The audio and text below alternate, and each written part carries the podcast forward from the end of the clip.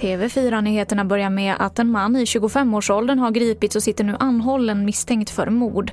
Detta efter att en kvinna hittats död i en bostad i Malmö tidigt i morse. Och mer om detta på tv4.se. Läget i intensivvården har varit mycket ansträngt i flera regioner under julhelgen. Det är många patienter och brist på personal, rapporterar SR om. Och I Region Stockholm så intensivvårdas nu nära 90 patienter för covid-19. Och så kan jag berätta att Göteborg FC lägger ner sin elitverksamhet med omedelbar verkan och drar sig ur damallsvenskan bara några veckor efter att de vann SM-guld. Enligt klubbens ordförande Peter Bronsman så finns det inget kort svar varför. Men han säger till Göteborgs-Posten att det är bäst på lång sikt. Kristoffer Bergström är fotbollsexpert på Sportbladet. Jag blev skärrad och skakad för det här är, det är otroligt förvånande. Det är en enorm förlust för svensk fotboll.